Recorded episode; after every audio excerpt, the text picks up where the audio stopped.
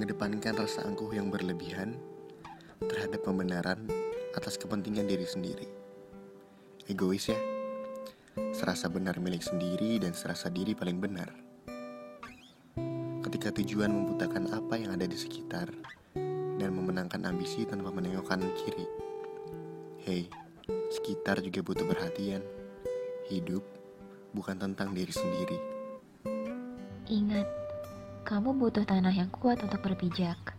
Kamu juga butuh tiang yang kukuh untuk menopang. Dan kamu butuh pohon yang rindang untuk berteduh. Jadi, setangguh apa diri sampai bisa-bisanya merasa menjadi yang paling-paling? Sedemikian pentingkah? Dunia ini tercipta atas rasa kasih dan sayang Tuhan kepada makhluknya.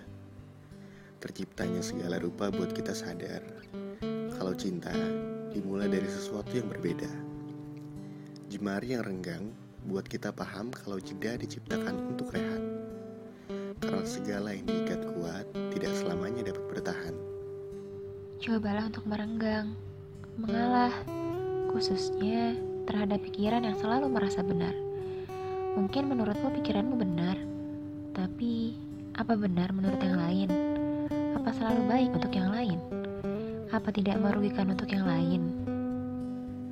Sudut pandang orang ketiga sebagai pengamat, terkadang kita butuhkan untuk menilai diri ini.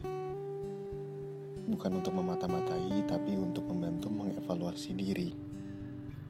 Menjadi yang paling penting tidak selamanya baik, tapi menjadi yang baik pasti akan selalu menjadi penting. Semoga kita semakin sadar kalau mementingkan dan mendahulukan kepentingan diri sendiri tidak selamanya baik. Karena masih ada sekitar yang butuh perhatian.